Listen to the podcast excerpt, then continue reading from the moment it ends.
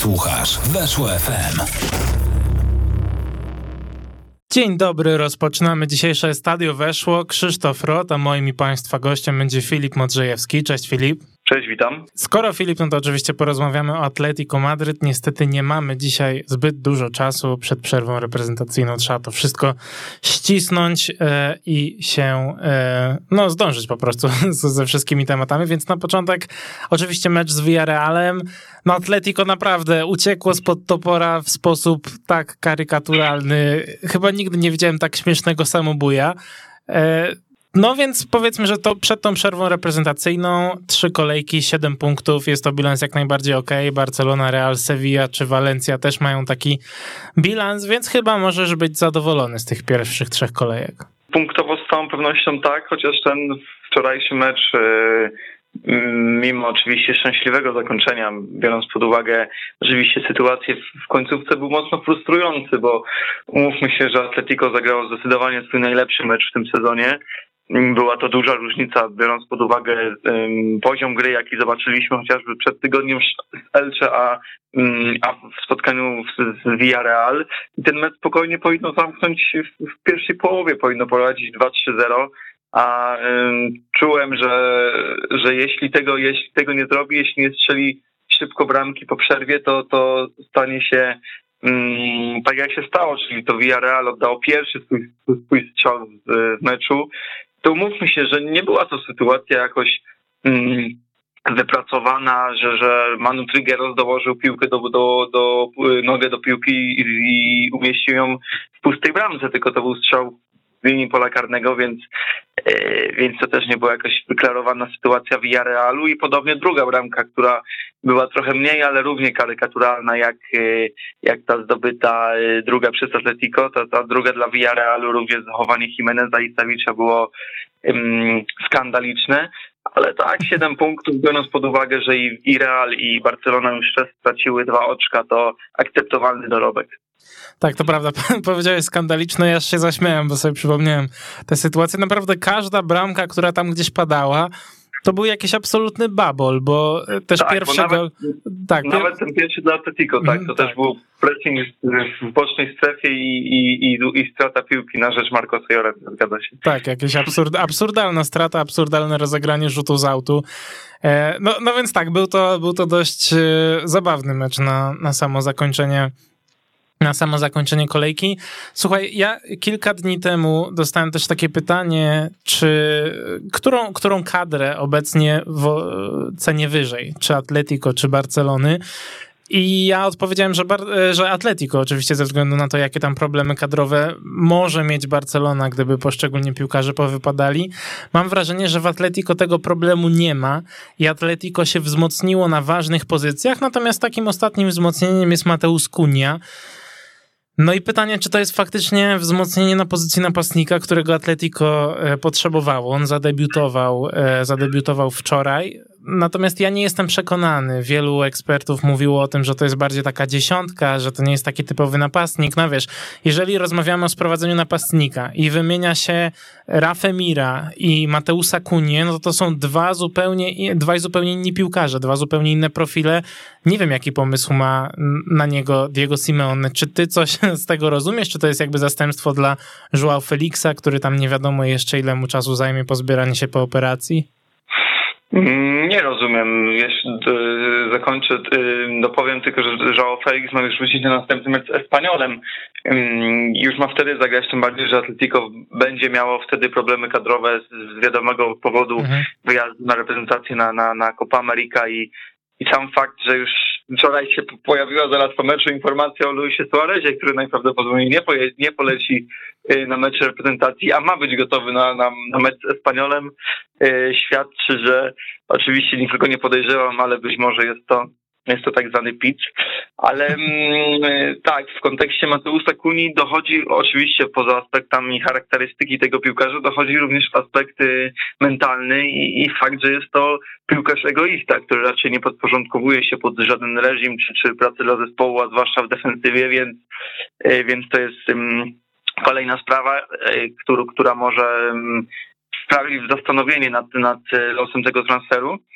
I, I w zasadzie pozycja napastnika rezerwowego to jest y, jedyna, której brakuje mi w, w kadrze Atletico, bo um, Mateusz Kunia przychodzi na pozycję, gdzie de facto do gry jest czterej zawodników, bo jest Angel Correa, jest João Felix, tam gra, może grać Marcos Llorente, również w obwodzie w, ty, w, tej, w tych rejonach boiska są Lemar czy Rodrigo de Paul, więc naprawdę tam, tam roi się od tych um, zawodników, którzy mają taką charakterystykę na pozycji numer 10 cofniętego napastnika i, i takim również jest Mateusz Kunia.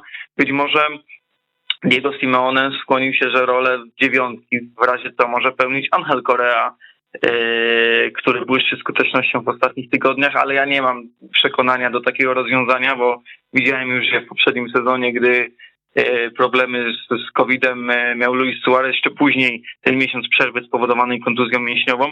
Nie wyglądało to dobrze, nie wyglądało to dobrze w fazie finalizacji akcji, bo, bo kreacja wyglądała jeszcze ok, ale nie było zawodnika w polu karnym, który mógłby to sfinalizować.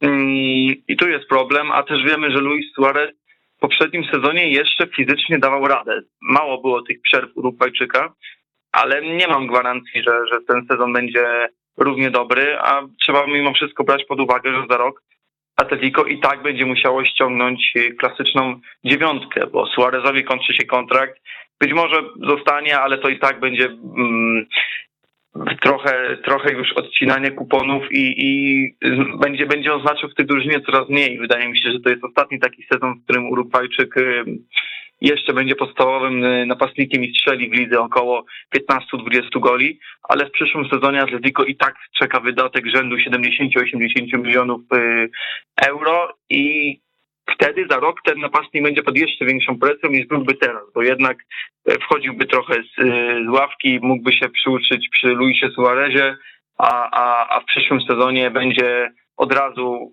e, ciążyła na nim presja zdobywania bramek. Mhm, od razu rzucony na głęboką wodę, to prawda, to, to jest zawsze dość istotna rzecz. Jeśli rozmawiamy sobie jeszcze o tej szerokości kadry, czy ciebie nie zaskakuje na przykład, że cały czas na tym lewym wahadle widzimy, widzimy Ferreira Carrasco?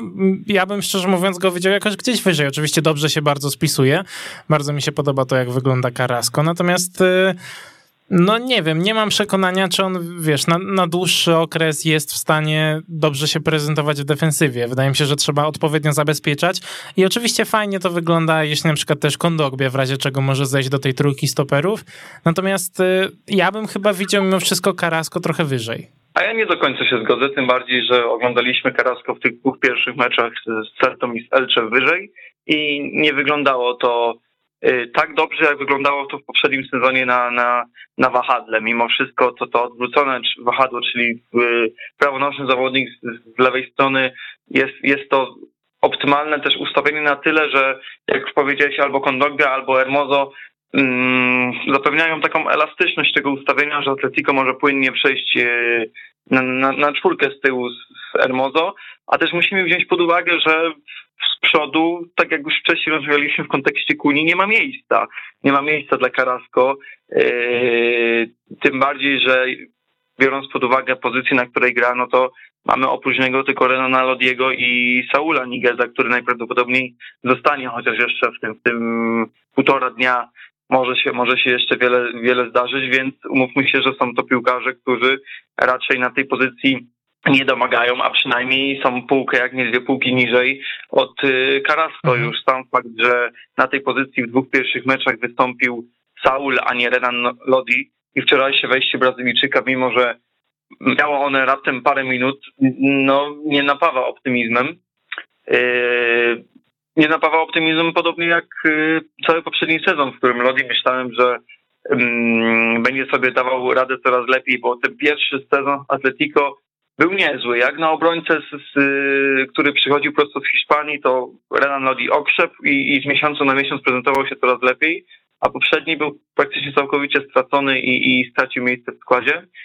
Więc reasumując, Carrasco tak naprawdę z przodu jest zbyt duża konkurencja na lewym wahadle, naprawdę daje radę, a widać po nim, że też już przywykł do tej pozycji mówmy się, że jest to też mentalnie trochę inny piłkarz niż ten, który wyjeżdżał do Chin który wtedy był trochę takim odpowiednikiem dzisiejszego Mateusza Kuni, który trafia do mhm. Atletico. a, a, a jednak ten nowy Carrasco, który, który wrócił po wojażach w Azji, zdecydowanie bardziej potrafi poświęcić się dla zespołu. Tak, swoją drogą, tak sobie pomyślałem, że, że Joachim Meile jest takim, przynajmniej jawił się nam na Euro jako taki archetyp wręcz prawonożnego e, obrońcy grającym, grającego na lewym wahadle, aż się zdziwiłem, że nikt się jakoś tam szerzej Duńczykiem nie zainteresował. E, przechodząc... Ja w kontekście mhm. jeszcze lewego wahadła zdziwiłem się, tym bardziej patrząc na cenę, jaka jest za tego zawodnika, że Atletico bardziej nie zainteresowała się Markiem Kureją z Hetafe. Myślę, że można byłoby go spokojnie wyciągnąć za te niewielkie w skali oczywiście europejskiej piłki dzisiaj pieniądze. On bodajże idzie za 18 milionów tak. do Brighton, a wydaje mi się, że jest to półka wyżej od, od Renana Lodiego, który wciąż jest młodym zawodnikiem, więc myślę, że e, jeśli e, pojawiały się informacje na temat jego osoby, to pojawiały się również kwoty rzędu 30-40 milionów euro, więc Atletico wyszłoby na tym biznesie jeszcze zdecydowanie na plus, a miałoby gracza lepszego i, i bardziej, e, e, który bardziej pasowałby w tym systemie gry. Mhm. To na koniec chciałem cię zapytać o grupę Ligi Mistrzów, bo wiemy, że zaraz po przerwie reprezentacyjnej e, wraca właśnie Liga Mistrzów, Atletico Madryt. No tak się wylosowało, że w grupie jest z Porto, Milanem oraz Liverpoolem. Jak ty patrzysz na tę grupę? No bo wydaje mi się, że to jest zaskakująco trudna grupa i Atletico naprawdę niekoniecznie musi mieć łatwą przeprawę. Mm, to jest taka niewdzięczna grupa. Bardzo mocno mam wrażenie, że dla wszystkich zespołów, bo tak naprawdę nie ma tutaj żadnego outsidera z tego czwartego koszyka, na którym można sobie trochę z przymrużeniem oka dopisać trzy, trzy punkty przed meczem. Jest to grupa ciężka, ale wydaje mi się, że jednak y, nie będzie w niej niespodzianek, że jednak Liverpool i, i Atletico wyjdą, wyjdą z niej, bo jednak chociaż Porto w poprzednim sezonie pokazało, że w fazie pucharowej jest to zespół, y, którego należy się obawiać, ale myślę, że trochę mniej w, w fazie grupowej.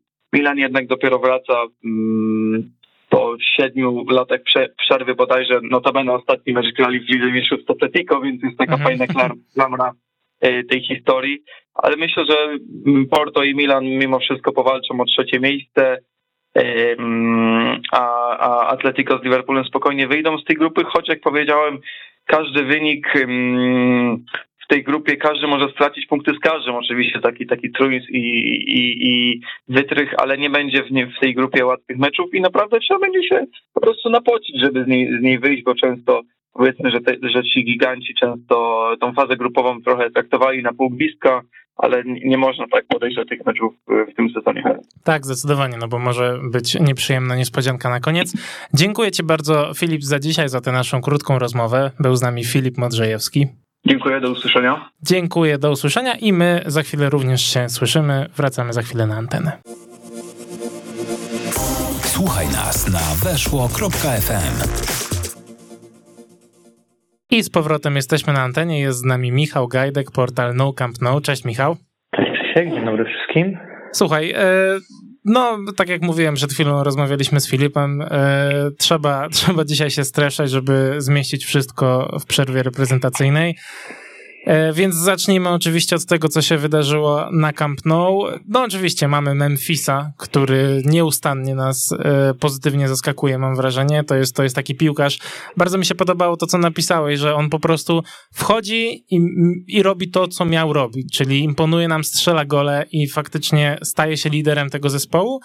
Natomiast na drugim biegunie mam wrażenie znajduje się trochę Antoine Griezmann, którego, no nie wiem, jak oglądałem ten mecz z Hetafe, to on tak jakoś w 60 minucie zagrał takie dwa przerzuty i wtedy sobie zdałem sprawę, że on cały czas jest na boisku, że gdzieś tam go nie ściągnęli w przerwie. I gdzie się dopatrujesz przyczyny? No bo wydaje mi się, że nie ma już absolutnie żadnej, yy, żadnego wytłumaczenia na tę nieudolność Antoana Griezmana. E, odszedł Messi, on się wreszcie porusza w rejonach, w których mu wygodnie. Nie ma tej wymówki, że Messi go blokuje i tak dalej. Co się dzieje z Francuzem? To jest dobre pytanie. No ja myślę, że po prostu ostatecznie się przekonaliśmy o tym, że te wymówki były tylko i wyłącznie wymówki. Być może Griezmann e, w obecnej przynajmniej dyspozycji nie jest e, zawodnikiem na poziom Barcelony niezależnie od tego, jaką rolę miałby w niej pełnić pod względem pozycji, bo sam przecież w zeszłym roku mniej więcej e, właśnie w tym okresie narzekał na to, że granie na tej pozycji, na której czuje się najlepiej. Teraz, tak jak wspomniałeś, ma pełną swobodę. No a tu przychodzi ktoś, kto z marszu też, e, że tak powiem, spycha go do, do cienia pod względem tego, jak, e, jak wygląda jego dyspozycja. Więc ja szczerze mówiąc jestem bardzo rozczarowany Francuzem, zwłaszcza, że ten presezon w jego wykonaniu wcale nie był, nie był taki zły i można było mieć jakieś nadzieję, że coś się tutaj jednak odmieni. Myślę, że tak się jednak nie stało, pewnie się już też nie stanie. To też mnie E, dziwiło, gdy, gdy parę tygodni temu była e, duża informacja, tak dużo było tych informacji o możliwej wymianie na linii Barcelona Atletico, tutaj Griezmann Saul i bardzo dużo kibiców Barcelony strasznie wybrzydzało, że Saul to nie, no bo już ma najlepsze lata za sobą i mhm. nie wiadomo, co tutaj da do końca i, i tak dalej, a moim zdaniem możliwość pozbycia się Griezmana z klubu e, i wzięcie jakiegokolwiek praktycznie zawodnika za niego, no byłaby nie tylko zbawieniem pod względem ekonomicznym, ale i po prostu nie miałaby wpływu na poziom sportowy.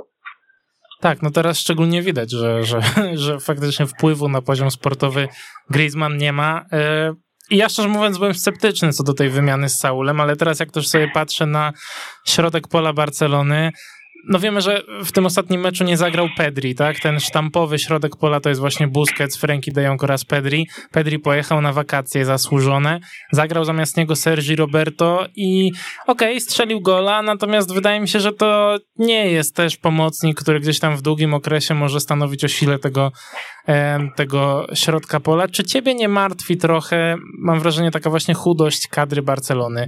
E, teraz jak rozmawiamy, jesteśmy, Hiszpanie mówią a punto D, czyli, czyli tuż przed sprzedażą Emersona do Tottenhamu najprawdopodobniej, więc na prawej stronie zostaje chyba tylko Serginio Dest plus no ten Sergi Roberto. Na lewej obronie jest tylko Jordi Alba. W środku pola mamy tę trójkę, o której wspomniałem i poza tym długo, długo nikt. Czy ciebie to nie martwi, jeśli chodzi o po prostu całą długość sezonu i wiemy, że on jest bardzo wymagający, no też będzie 70 spotkań praktycznie do rozegrania. No to jest właśnie taki paradoks, bo czysto teoretycznie w Barcelonie zawodników jest co niemiara. Kuman narzekał dopiero co na liczebność kadry, ale narzekał na overbooking, tak? Narzekał na to, że ta kadra jest zbyt liczebna. E, nie ma kogo tutaj e, za specjalnie nawet e, przydzielać wolnych numerów, bo bo one się po prostu już skończyły, no ale jak tak właśnie spojrzymy bliżej, to się okazuje, że te miejsca są zajmowane przez zawodników, na których tak czy siak liczyć nie można, więc na pewno jeżeli chodzi o jakość, zwłaszcza czy to na bokach obrony, no to już jest stary problem, możemy powiedzieć, bo Barcelona się z tym problemem zmaga już nie, nie pierwszy sezon, a ta sytuacja się wcale nie poprawia, jeżeli już to się, się tylko pogarsza, czy to pod względem e, samej liczebności zawodników, czy pod względem poziomu, natomiast głównie Kwestia środka pomocy to myślę, że jest absolutnie newralgiczna sprawa, no bo e, wszystko, co było kiedyś dobre w grze, w grze Barcelony wynikało z tego środka pomocy. Teraz na chwilę obecną rzeczywiście jest ta trójka pomocników, którzy gdy są w formie, no to potrafią zaprezentować e, naprawdę fajny poziom, ale oprócz nich nie ma praktycznie nikogo. No, wspomniałeś, że odchodzi e, prawdopodobnie Emerson, wobec tego Sergi Roberto znowu będzie rozpatrywany bardziej jako prawo obrońca. Ileś Moriba również, jak wiemy, E, jest na wylocie z klubu, no i nagle się okazuje, że zostaje Filipe Coutinho, którego nikt nie widział na oczy jeszcze w 2021 roku i nie wiadomo czego się po nim spodziewać. No i zostaje nieśmiertelny, że tak powiem, Ricky Pucz, który mimo wszystko jest tutaj w hierarchii Ronalda Humana daleko. No wczoraj mieliśmy do czynienia z dwoma zmianami wymuszonymi do środka planu, to przed nim w hierarchii jest 17-latek Gavi, jak widać, i, defensywny pomocnik Nico Gonzalez, też świeżo z Barcelony B, więc e, Pozostaje tylko mieć nadzieję, że tak jak w zeszłym roku e, mieliśmy wystrzał w formę Pedriego i Lajsza Moliby, no to w tym roku się nam to samo stanie na, na choćby porównywalnym poziomie z Gavim i z Nico Gonzalezem, bo wzmocni raczej tutaj niestety z zewnątrz nie będzie. Ten Gavi swoją drogą to jest, ja, ja, z nim wiążę bardzo duże nadzieje. On mi się w presezonie bardzo podobał, potem tam na niektórych twitterowych kontach też oglądałem jego występy w niższych kategoriach wiekowych. Mam nadzieję, że, że będzie grał. No, wydaje mi się, że trudno byłoby znaleźć lepszą okazję do gry niż, niż to, co Barcelona obecnie ma w pomocy. Ale taką, żeby nie mówić tylko o tych negatywnych wiadomościach, bardzo pozytywną wiadomością jest oczywiście powrót Ansu Fatiego do treningów z drużyną. Nie wiem dokładnie, jak to wygląda w głowie Ronalda Kumana. W Realu Madryt zazwyczaj, jeżeli ktoś wraca do treningów z drużyną, to znaczy, że jest po prostu gotowy do rywalizacji, gotowy do gry w najbliższym meczu. E, Ronald Kuman natomiast gdzieś tam na konferencji prasowej trochę studził nastroje. Czy dla ciebie Ansu Fati jest trochę takim, takim powiedzmy zbawieniem, czy, czy oddechem dla ataku? No bo wiemy, że Griezmann słabo, Bright White gra, ale powiedzmy, że też nie jest to odpowiedni poziom. Czy czekasz na Ansu Fatiego z utęsknieniem? Czekam, myślę, że wszyscy czekamy i być może nie tylko kibice Barcelony, tylko ogólnie kibice piłkarscy czekają, bo chłopak w młodym wieku naprawdę przed kontuzją pokazał, że na co go stać. E, natomiast tak jak wspomniałeś, no, ten atak Barcelony, o ile w zeszłych latach wyglądał trochę tak, że był Leo Messi i parę koszulek wokół, no to teraz jest Memphis Depay i parę koszulek wokół i ta, ta na dłuższą metę nie może tak wyglądać, bo z całym szacunkiem Memphis e, prezentuje się świetnie, ale jednak Leo Messi też nie jest i E, i pewnie nie będzie, więc siłą rzeczy opierania ataku tylko na jednej osobie no, będzie frustrujące dla samej tej osoby i prędzej czy później po prostu przestanie działać, tak, bo, bo rywale się nauczą, jak to powinno wyglądać. Zresztą to było już trochę widać nawet e, w meczu z Hetafe w drugiej połowie, gdzie mam wrażenie, że Memphis został uwikłany w takie liczne fizyczne pojedynki. Trochę mu temu przykrzali życie, sprowokowali żółtą kartkę rywale w stosunku do niego, no i, i tam chyba szukali mocno czerwonej też, żeby, E, żeby, żeby dało radę go, go z boiska po prostu usunąć. Więc na pewno jest potrzebny ktoś, kto, kto ten wózek oprócz niego przynajmniej pociągnie. I Ansu Fati niewątpliwie taką osobą jest.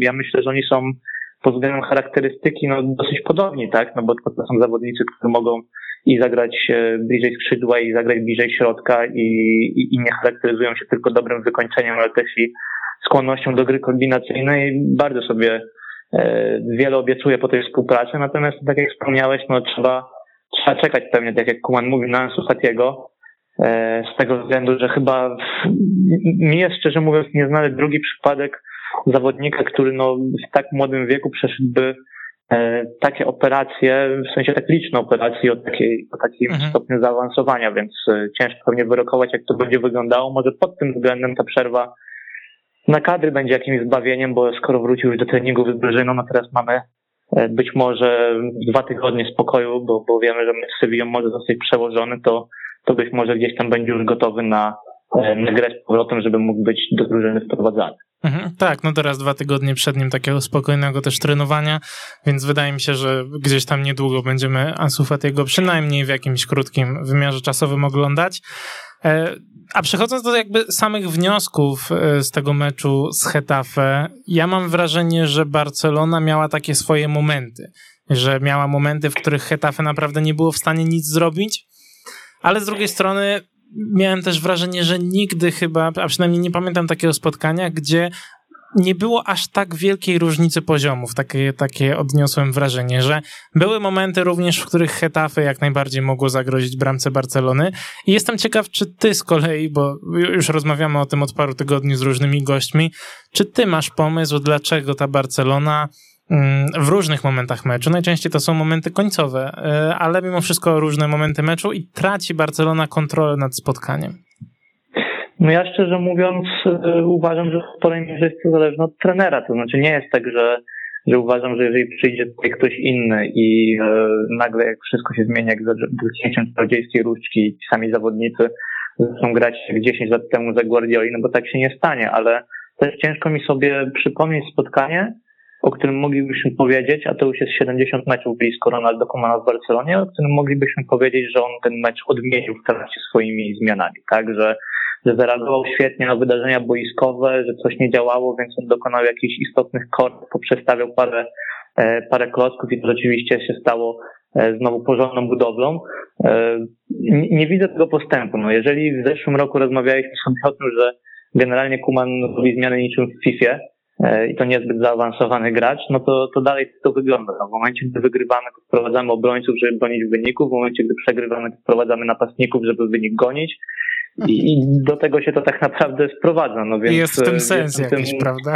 No tak, no jestem, jestem tym, tym szczerze mówiąc bardzo rozczarowany, bo, e, bo uważam, że Barcelona no, powinna się bronić i nawet jeżeli się broni, to powinna się bronić po prostu z piłką przy nodze, nie oddając piłkę przeciwnikowi, licząc, że pójdzie z nim na wymianę ciosów bo ile siłą rzeczy, no nawet z tą kadrą, nawet bez Leo Messiego z Hetafe Barcelona na wymianę ciosów pójść może i, i tę wymianę w 9 na 10 przypadków wygra, to jeżeli pójdzie na taką samą wymianę ciosów na przykład z Bayernem, e, za też blisko dwa tygodnie, no to skończy się znowu jakimś 2-8, no w dobrym, w dobrym przypadku, nie wiem, 3 do 9 albo 4 do 10, tak, bo, bo niestety takie pewnie będą proporcje, jeżeli chodzi o te, o tej wymianie, wymianie ciosów, więc no ja, ja jednak problemu patruję głównie tutaj. No mamy do czynienia w ostatnich latach z historiami, gdy, gdy jest trener, który narzeka na poziom swojej kadry, e, potem zostaje wymieniony, no i nagle się okazuje, że ten impuls nowej miotły jednak działa nawet na poziomie europejskim, tak? No, żeby daleko nie szukać Chelsea, która wygrywa Ligę Mistrzów, w sensie wcześniej Bayern, e, który też e, przecież e, po, po zastąpieniu Kowacza nagle się okazało, że ci sami zawodnicy mogą jednak grać lepiej. I to jest coś, czego bym oczekiwał w stosunku do Barcelony, jeżeli chodzi o, o decyzję Laporty. Natomiast no, te decyzje nie nastąpiły. Teraz być może jest już na nie trochę za późno, bo, bo ktokolwiek by nie przyszedł w trakcie sezonu, no to znowu będzie się musiał zaklimatyzować, nie będzie miał tego okresu przygotowawczego, tego komfortu pracy. E, więc myślę, że niestety przed nami rok, rok frustracji. Ja po prostu e, nie za specjalnie widzę ten postęp. Mówiąc, mówiąc tak w jednym zdaniu, to mam wrażenie, że, że jesteśmy znowu na jesieni 2020. Jedyne, co się, co się różni na chwilę obecną, odpukać, to jest to, że nie strzelamy sobie sami bramek, tak? Bo ta cała seria w zeszłym roku na jesieni z tymi kuriozalnymi błędami w obronie na chwilę obecną się nie powtarza i to jest chyba coś, co sprawia po prostu różnicę E, w kwestii wyników, które były wtedy, a które są teraz, no bo one są siłą rzeczy lepsze. A to powiedz mi krótko w takim razie, czy ty uważasz, że jeżeli Kuman będzie miał do dyspozycji no większość zdrowych zawodników, takich w formie, yy, dostępnych do gry, to czy on wróci do tego ustawienia z trójką środkowych obrońców i, i wtedy będzie więcej miejsca, nie będzie musiał stawiać na Bright White'a na przykład, yy, czy, czy jednak to 4-3-3 aż po grup? Ja szczerze mówiąc nie specjalnie rozumiem, jaki zaszedł tutaj proces, bo, bo to jest jedna jedyna zmiana, którą widzę u Kumana pomiędzy zeszłym sezonem a tym, czy inaczej pomiędzy zakończeniem e, poprzedniego sezonu a startem tego, no to jest właśnie zmiana systemu, tak? E, I to paradoksalnie uważam za zmianę słabą, bo, bo tamten system rzeczywiście działał i był czymś, co można by było dopracowywać, natomiast nie da się grać 4-3-3 nie mając kadry skrzydłowych. No jeżeli na skrzydłach zostawisz Bright White i Griezmana, no to nie dziwne, że to potem nie działa. E, ograniczeni są boczni obrońcy e, i w ogóle nie jest to wykorzystywane potencjału czy, czy dopasowanie taktyki do, do zawodników, którymi dysponujesz. No, zeszły sezon Kuman rozpoczął 4-2-3-1, szybko ten pomysł porzucił, teraz rozpoczął 4-3-3, moim zdaniem porzuci go równie szybko, bo tak się po prostu grać na dłuższą metę bez skrzydłowych w tym systemie nie da, więc myślę, że prędzej czy później zobaczymy tę trójkę E, tę trójkę z tyłu, e, ale, ale wydaje mi się, że jednak niestety będziemy musieli najpierw przejść przez jakieś słabsze wyniki w meczach z, z rywalami, którzy to wypunktują niedoskonałości tego, tego systemu. Mhm. No teraz Ronald Kuman ma prawie dwa tygodnie, nawet ponad, bo, bo ten mecz Barcelony przecież odwołano, nie ma jakiejś konkretnej daty na razie, e, więc ma ponad dwa tygodnie na przygotowanie się do kolejnego spotkania. Może coś wymyśli, może zobaczymy Barcelonę. I na Bayern, więc...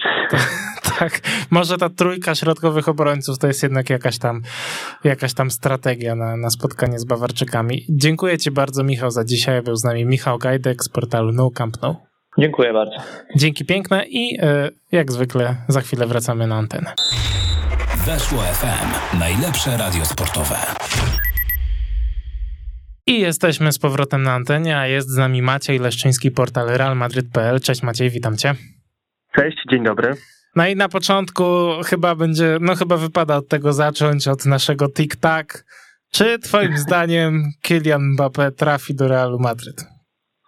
E, ja już jakiś czas temu postanowiłem sam sobie wierzyć w ten transfer e, do samego końca, więc na dzisiaj ja ciągle w niego wierzę. Chociaż oczywiście, gdybyśmy tak chcieli spojrzeć bardzo chłodno, no to, e, to ta sytuacja tak naprawdę z dnia na dzień zmienia się jak w kalejdoskopie, no bo jeszcze ze trzy dni temu marka dość wydawało się wiarygodna. Mm, stwierdziła, że ten transfer jest tuż, tuż, później okazało się, że, no, że praktycznie PSG w dalszym ciągu w ogóle nie odpowiada na, na te oferty Realu Madryt. E, ja na dzisiaj ciągle wierzę, że jednak ta odpowiedź się pojawi i będzie ona pozytywna. No a później, no to wiadomo, już ta droga będzie otwarta, bo sam Kylian po prostu w Madrycie chce grać może oczywiście kibice innych klubów się dziwią, ja mu się nie dziwię w ogóle. E, no ale to jest, to, to tutaj jest ten pies pogrzebany, czyli to, że PSG po prostu nie odpowiada na te oferty. To nie są nawet, e, to nie są negocjacje, czy, czy jakaś kontroferta typu dajcie 250, dajcie 300, 400, e, to po prostu jest kompletny brak mm, odpowiedzi, co może niepokoić, ale ja ciągle wierzę i, i, i z tą wiarą pewnie, no oby nie do samego y, zamknięcia okienka transferowego, ja ciągle liczę na to, że komunikat oficjal będzie, będzie po prostu jutro. Mhm. No tak, tak, taka to jest właśnie sinusoida w tych ostatnich dniach. Już, już miał to być e, transfer, e, transfer już za chwilę, prawda, bez, bez żadnych wątpliwości. Już Marka ogłaszała, że zostanie piłkarzem Realu Madryt, a tu różne rzeczy się w międzyczasie działy i cały czas gdzieś tam w tle jest ten e, Josep Pedrerol ze swoim tic-tac.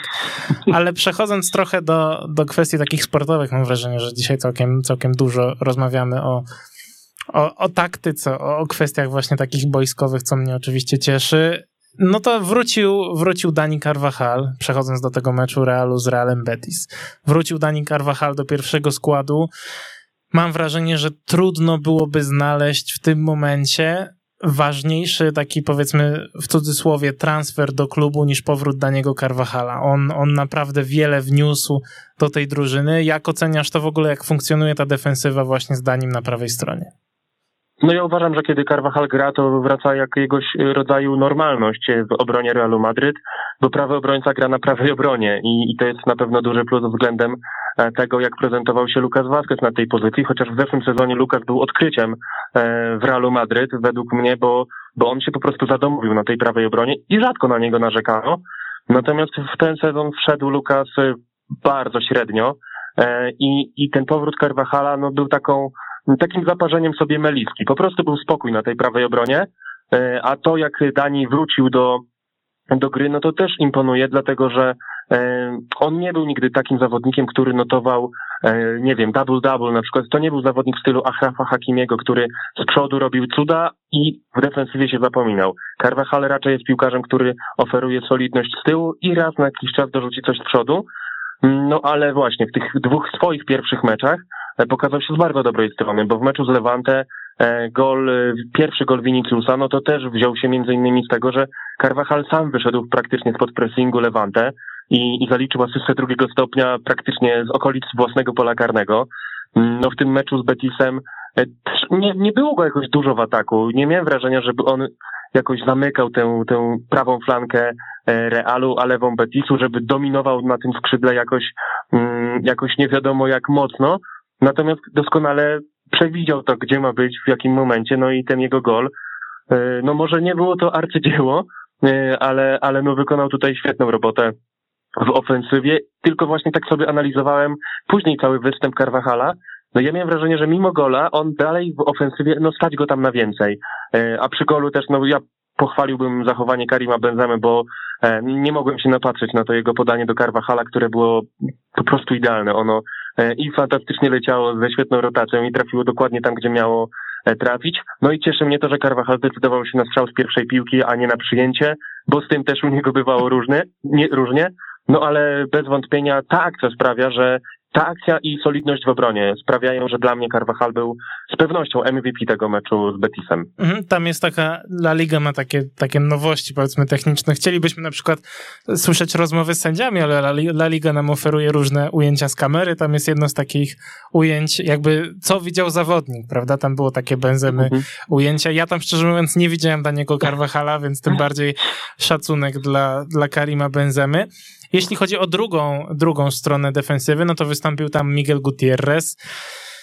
No i też wydaje mi się, że był może taką cichą, e, cichą gwiazdą tego meczu, bo w pierwszej połowie gdzieś tam mam wrażenie, że trochę bał się zagrywać do przodu, trochę bał się brać na siebie taką odpowiedzialność, no ale była też ta kluczowa interwencja, choć to bardziej był błąd Juanmiego, że, że podał wprost do, do Miguela, ale z tego się też wziął gol dla Realu.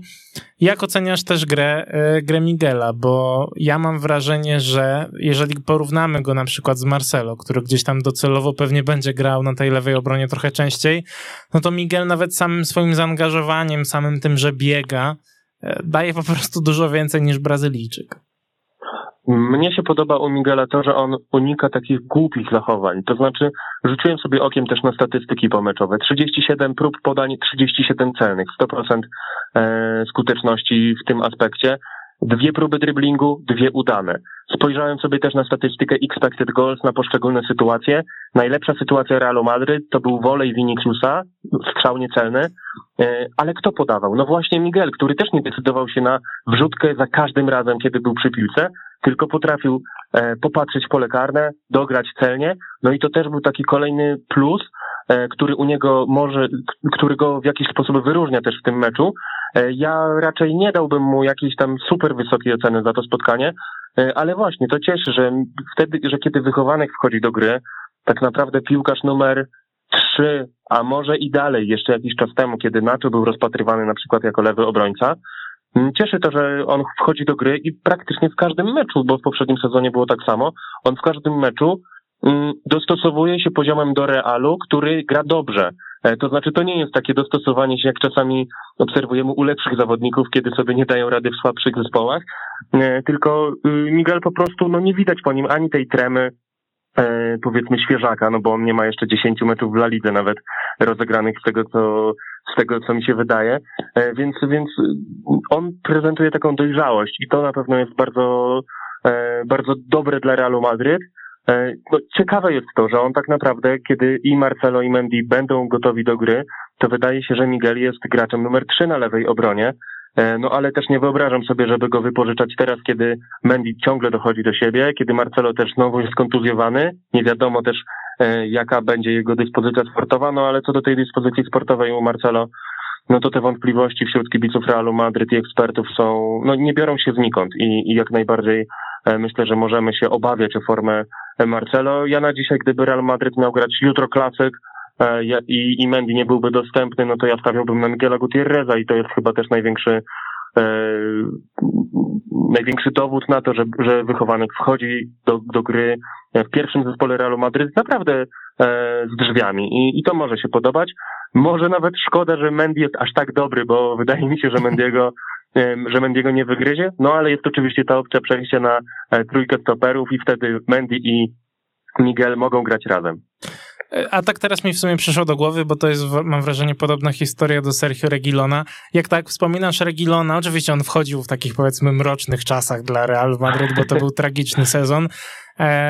To kto twoim zdaniem lepiej się prezentuje? Czy, czy wówczas Regilon, czy dziś Miguel Gutierrez? Choć oczywiście Regi dostawał trochę więcej szans. Mm, to bardzo podchwytliwe pytanie, bo wiesz co, nie wiem w sumie, bo ja trochę już nie pamiętam, jak grał Regilon w Realu Madryt. Oczywiście on bardzo ładnie się rozwinął przede wszystkim w Sewilli i tutaj trzeba podkreślić też e, rolę Julena Lopetegiego, który go tam sprowadził i czy, czy bardziej Monciego może nawet, e, bo to on pewnie go sprowadzał. E, natomiast y, Regilon w odpowiednim momencie zrobił też taki krok naprzód, y, że zaczął być po prostu wymieniany wśród powiedzmy, nie wiem, 15 najlepszych lewych obrońców w Europie, bo gdyby było inaczej, no to, e, to ten Ham nie płaciłby też za niego takich pieniędzy, jakie zapłacił. Mm, więc na razie spokojnie, tranquilo. Na razie jeszcze od Miguela oczekiwałbym, że, że zrobi jeszcze te, te, te kroki do przodu, chociaż E, chociaż on też już potrafił zaskakiwać swoimi podaniami, e, ale być może brakuje mu na przykład liczb po prostu.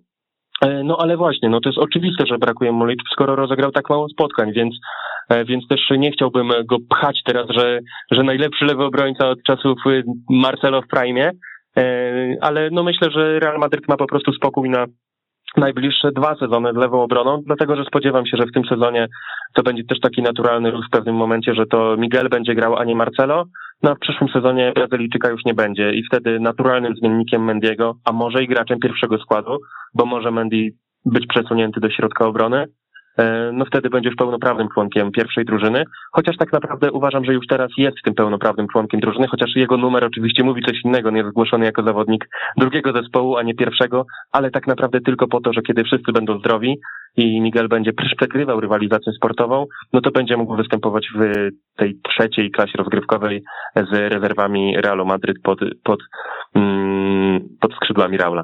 Mhm. A y, słuchaj, bo mam teraz też taki temat, mam wrażenie trochę złożony. W tym meczu z Realem Betis, po meczu się pojawiły takie obrazki w ciągu tych ostatnich y, kilkunastu godzin. Takie, takie krótkie filmiki, jak na przykład Gareth Bale, który mam wrażenie został dość skrytykowany przez, przez hiszpańskie media po tym, po tym spotkaniu. Moim zdaniem trochę niezasłużenie. On na przykład wybiegał między obrońców, prawda? Szukał tam sobie miejsca za plecami, szukał, czekał, czekał aż ktoś mu zagra. Wówczas, gdy Isco był przy piłce. Isko mu nie zagrywał, Isko zagrywał gdzieś tam płasko i, e, i widać było właśnie taką frustrację Bale'a, jak on macha rękami, jak on coś tam uderza się pięścią, jest, jest zdenerwowany, że nie dostał tej piłki. I e, w tych dwóch ostatnich meczach zagrali obok Casemiro, Isco oraz Fede Valverde. O ile Fede Valverde wiem, że nie jest jakimś niesamowitym rozgrywającym, on raczej coś innego wnosi do gry, no to po Isco moglibyśmy oczekiwać czegoś więcej w tym aspekcie. Czy twoim zdaniem te dwa mecze nie pokazują bardzo, że Real bez Krosa i bez Luki Modricia no, bardzo cierpi na boisku, że to nie jest ten sam Real i że, że jest pewna trudność z takim przeniesieniem gry do linii ataku? Zacznę może od Bale'a, bo dla mnie je, jego ocena też zależy od y, meczu i przeciwnika i odruchów Karima Benzemy, bo oczywiście to nie jest coś, za co jakoś chcemy bardzo przesadnie chwalić jakiegokolwiek piłkarza, czy podwyższać mu ocenę e, w jakimś pomeczowym podsumowaniu. No ale zwróćmy uwagę nawet na to, gdzie był Benzema, w, jakim, w jakich strefach się poruszał, kiedy Dani Carvajal zdobywał bramkę. E, Bale ogarniał wtedy pozycję numer 9, e, kiedy Benzema schodził do lewej strony. No i on poniekąd brał trochę na siebie to, że będzie po prostu przeszkadzać tym środkowym obrońcom, ob, obrońcom, którzy mogą się trochę pogubić. No i właśnie pogubi, pogubili się też przy tym golu Carvajala e, wszyscy w defensywie Betisu.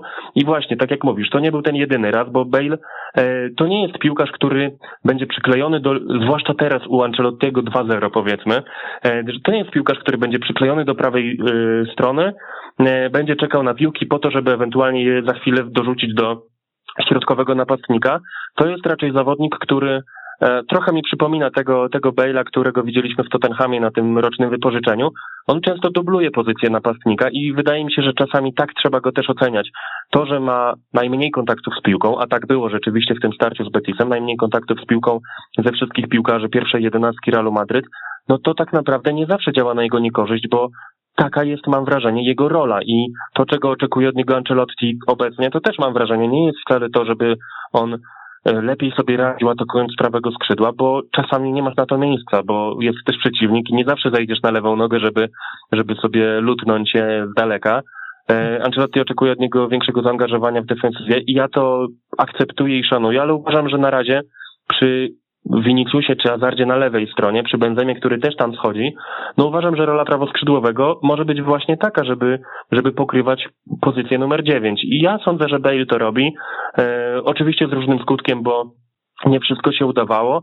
E, powiedziałbym może nawet, że większość się nie udawała, kiedy, kiedy Bale miał piłkę przy nodze, ale to też jest pewien e, proces. Dopiero Carvajal wraca, żeby tę prawą flankę wtedy pokrywać. E, myślę, że myślę, że za kilka tygodni będziemy w tej kwestii mądrzejsi. Mnie cieszy to, że Bale jest zdrowy. Cieszy mnie ta jego sportowa złość, bo to też pokazuje, że mu zależy. Cieszy mnie to, że cieszy się z kolegami z bramek. Nie ma w nim e, tych, tych bardzo negatywnych e, rzeczy, które dostrzegaliśmy, kiedy Zinedine Zidane był trenerem. Więc ode mnie dla Bale'a za te trzy pierwsze kolejki nawet jest jednak mały plusik. Co do środka pola, ty powiedziałeś, że oczekiwałbyś od Isco trochę więcej, bo wiemy, jaki jest Fede Valverde. A ja bym to odwrócił. Ja od Isco już zupełnie niczego nie oczekuję, poza tym, żeby ten jego kontrakt wreszcie dobiegł końca i żeby odszedł z Realu Madryt. Ale właśnie oczekuję więcej od Fede Valverde, bo dla mnie to też jest taki zawodnik, który, tak jak mówisz, on jest trochę od czegoś innego. On potrafi też e, pokryć na przykład prawą flankę w różnych ustawieniach i grał jako skrzydłowy, wahadłowy, e, jako, obro- jako boczny obrońca, jako ten środkowy pomocnik. Bywało, że był najbardziej cofniętym pomocnikiem ale ja oczekiwałbym chyba od niego tego, że kiedy Real Madryt gra z drużyną, która się nisko broni, e, to żeby tego chaosu w jego głowie było troszkę mniej. I tak jak Luka Modric potrafi być przebojowy i ten z tego chaosu potrafi wykrzesać e, coś pięknego, coś, coś niesamowitego, rozegrać po prostu tę, tę piłkę tak, jak przeciwnik się tego nie spodziewa. E, dokładając do tego crossa, no to już w ogóle wychodzi oczywiście rewelacyjna mieszanka e, i to, to legendarne trio w środku pola. No ale uważam, że Fede Valverde musi zrobić krok do przodu w tej kwestii i musi być lepszym piłkarzem w ataku pozycyjnym. To jest pewnie e, dość złożony problem. Mam nadzieję, że trenerzy też to dostrzegają, e, bo Fede, że jest koniem, to wszyscy wiemy, e, pod względem fizycznym i pod względem tych, tych cech wolicjonalnych, ale no właśnie, ja oczekiwałbym od niego też na przykład trochę lepszego strzału z dystansu, trochę lepszego ostatniego podania, nie chcę też skupiać się na nim, że to, że Real sobie mógł nie radzić w jakichś momentach w meczu z Betisem, nie chcę zrzucać tego na niego, bo oczywiście był ten Isco, przez którego Real grał w dziesięciu. E, no był też ten niewidoczny Bale, o którym też wspomnieliśmy wcześniej. No ale właśnie, Fede Valverde jako piłkarz, na którym chcemy też opierać ten projekt Real Madryt, Realu Madryt w tych kolejnych latach i to wręcz na dekady, no to zresztą sam Fede niedawno podpisał nową umowę z Realem, no to uważam, że tutaj też musimy oczekiwać więcej. Oczywiście to ciągle jest młody zawodnik i ciągle ma na to czas, ale ja nie oceniam go aż tak pozytywnie po tym spotkaniu z Betisem. Tak, ja, ja zdecydowanie również. On, on cały czas wnosi to, o czym mówimy, tak? Czyli na przykład zaangażowanie e, intensywność, ten tryb Bayernu Monachium trochę, ale, ale brakuje, brakuje faktycznie w rozegraniu.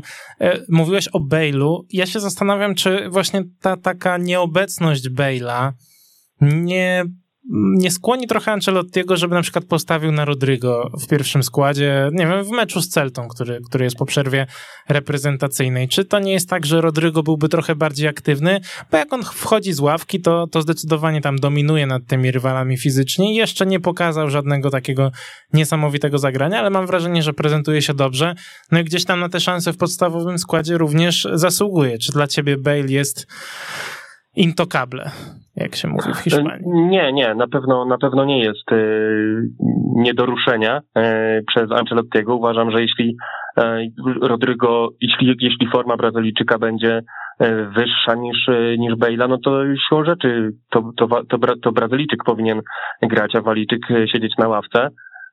I powiem szczerze, że też podobały mi się te wejścia Rodrygo, bo pamiętam nawet ten mecz z Levante, kiedy Rodrygo wszedł i niedługo później Lukajowicz miał świetną okazję, chwilę później Carvajal został zablokowany, no i też to zagranie Rodrygo, może to była, może niektórzy stwierdzą, że to była przecież tylko, tylko wrzutka na głowę napastnika, no ale mimo wszystko trzeba to potrafić zrobić i Rodrygo poradził sobie z tym bardzo dobrze.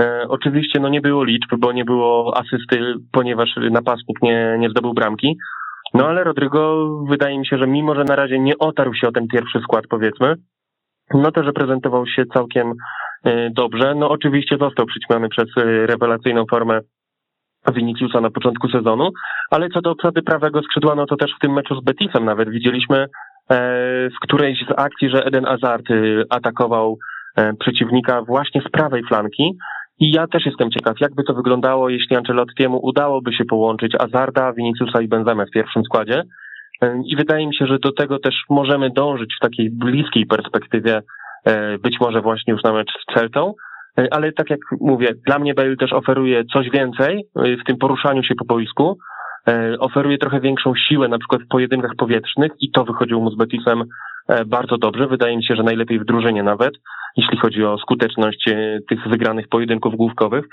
mm, więc tutaj na, tak naprawdę już teraz, jeszcze bez Kyliana, Carlo Ancelotti ma E, ma w czym wybierać i może to nie jest jakieś ogromne bogactwo, bo ta prawa flanka w Realu Madryt e, jest problemem od kiedy Bale stracił formę jeszcze przy tercecie BBC. Mm, no ale, ale mnie się wydaje, że Ancelotti jest w stanie coś z tego zrobić i nie tylko upychać kogokolwiek na to prawe skrzydło, jak czasami bywało niestety u, u Zinedina Zidana. Mhm, tak, no co dopiero jak przyjdzie Kylian Mbappé. Słuchaj, na sam koniec chciałbym, żebyśmy sobie zrobili taki mały, mały kącik Sewilli. Sevilla, mam wrażenie, że to lato całkiem dobrze przepracowała. No jak się ma Monchiego za dyrektora sportowego, to trudno źle przepracować lato. E, te kilka transferów było niezłych. Mam wrażenie, że Eric Lamela jako takie wzmocnienie też pierwszego składu, no spisuje się bardzo dobrze, bo to są trzy gole w trzech meczach. E, natomiast no, to nie jest tak, że on nagle wjechał z drzwiami do tej ligi, tylko miał trochę szczęścia przy tych trafieniach. E, ale Sevilla na razie wytrzymuje tempo tych największych. To jest pięć drużyn, które mają po 7 punktów. Czy ty oceniasz, że ta Sevilla będzie w stanie nawiązać do tego poprzedniego sezonu, gdzie przez moment nawet była w walce o mistrzostwo, czy jednak to będzie taka Sevilla, którą znamy też z poprzednich lat, że to czwarte miejsce, może trzecie i, i będą wszyscy zadowoleni? No sądzę, że jak najbardziej może się włączyć do tej walki o mistrzostwo, dlatego że tak patrząc sobie na ten letni rachunek zysków i strat, przynajmniej na razie, nie wygląda na to, żeby Sevilla się osłabiła w jakikolwiek sposób. To znaczy, są oczywiście te odejścia z klubu, ale to nie są według mnie zawodnicy, którzy stanowiliby o sile Andaluzyjczyków już w tym sezonie. E, no a tak jak mówisz, e, ten transfer Erika Lameli, czyli gracza gotowego już, może mającego też swoje wady oczywiście, ale gotowego, Brian Hill taki nie był. Wydaje mi się, że, że te pozostałe ruchy też jak najbardziej mają sens, to znaczy uważam, że Uważam, że, że Monchi wykonał naprawdę dobrą robotę. Pokrył pozycję numer 9, ściągnął Tomasa Delaneya z Borussii Dortmund. Wydaje mi się, że to też jest bardzo dobry transfer. E, a Sevilla już w poprzednim sezonie w środku pola miała naprawdę w kim wybierać. I Julen Lopetegui mm, to też jest trener, który bardzo lubi ten, tę zasadę pięciu zmian i on z niej bardzo chętnie korzysta, więc też sądzę, że gra na, na kilku polach, w kilku różnych rozgrywkach też e, jest do pogodzenia w przypadku Sevilla. No ja sądzę, że się spokojnie mogą podłączyć do walki e, o Mistrzostwo Hiszpanii, zwłaszcza, że Atletico według mnie się nie wzmocniło, to znaczy utrzymało tę kadrę mocną z poprzedniego sezonu, ale ja nie widzę tam jakiegoś takiego ogromnego wzmocnienia. Barcelona zmieniła Messiego na Depaya i okej, okay, może się to, może to wypali. Na razie jest co najmniej poprawnie, ale e, no też nie powiedziałbym, że Barcelona jest mocniejsza niż w zeszłym sezonie. E, co do siły Realu Madryt, mam myślę, że ciągle wiele zależy od transferu potencjalnego e, Kyliana Mbappé. No więc patrząc na, na tę rywalizację z tą wielką trójką, e, chociaż no po poprzednim sezonie może już powinniśmy mówić o wielkiej czwórce, no jak najbardziej Sevilla może powalczyć, no a uważam, że co najmniej musi zostać, to znaczy wypadnięcie poza top 4 będzie ogromną porażką. Myślę, że podobnie ogromną porażką będzie, jeśli nie awansuje z grupy Ligi Mistrzów. Sądzę, że każdy, każdy z drugiego, trzeciego i czwartego koszyka liczył na to, że, e, że w pierwszym wylosuje Lille. To udało się właśnie w Sewilli. Pytanie tylko, co jest lepsze dla klubu? Czy odpadnięcie e, z, w fazie grupowej i, i awans tego trzeciego miejsca do Ligi Europy i wygranie jej na przykład, czy awans do jednej ósmej, kiedy już teraz możesz spotkać się w jednej ósmej, no na przykład z Manchesterem City lub PSG, no bo kto, któraś z tych ekip skończy na e, pierwszym miejscu, któraś na drugim, więc możesz wygrać grupę, a trafić na takiego rywala w jednej ósmej. Mm, no w Lidze Mistrzów powiem szczerze, nie mam pojęcia jak, e, jak, e, jak im pójdzie, dlatego że wszystko będzie zależało od losowania, no ale tak jak mówię, jeśli nie wygrają tej grupy, to będzie ich porażka. Mimo, że oczywiście Wolfsburg czy Salzburg, no to są też kluby, które mogą zaskoczyć, ale nie powinny zaskoczyć takiego, takiego klubu jak Sevilla. I mnie nie zaskoczyłoby nawet 18 punktów Sewilli w sześciu meczach, e, ale sądzę, że też te, te siły będą rozkładane jednak troszkę inaczej i, i kompletu punktów tam pewnie nie będzie.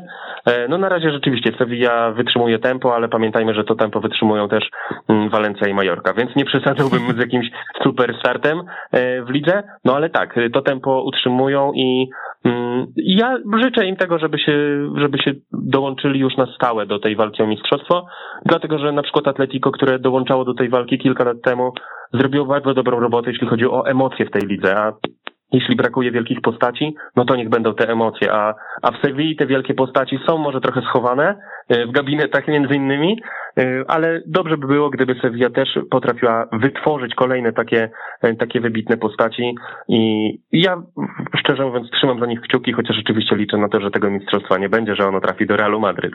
Mhm, dziękuję ci bardzo. Maciej, to faktycznie była bardzo dobra, bardzo dobra wypowiedź. Czas też, żeby Sevilla faktycznie zrobiła ten krok do przodu. Dziękuję Ci bardzo za dzisiaj. Był z nami Maciej Leszczyński, portal realmadryt.pl. Dziękuję. Dziękuję serdecznie. Dziękuję Wam też, drodzy słuchacze, za dzisiaj. My się słyszymy tradycyjnie za tydzień. Niestety w ten weekend La Liga nie gra, przerwa reprezentacyjna, więc następne mecze dopiero za dwa tygodnie. Trzymajcie się ciepło. Dziękuję. Cześć.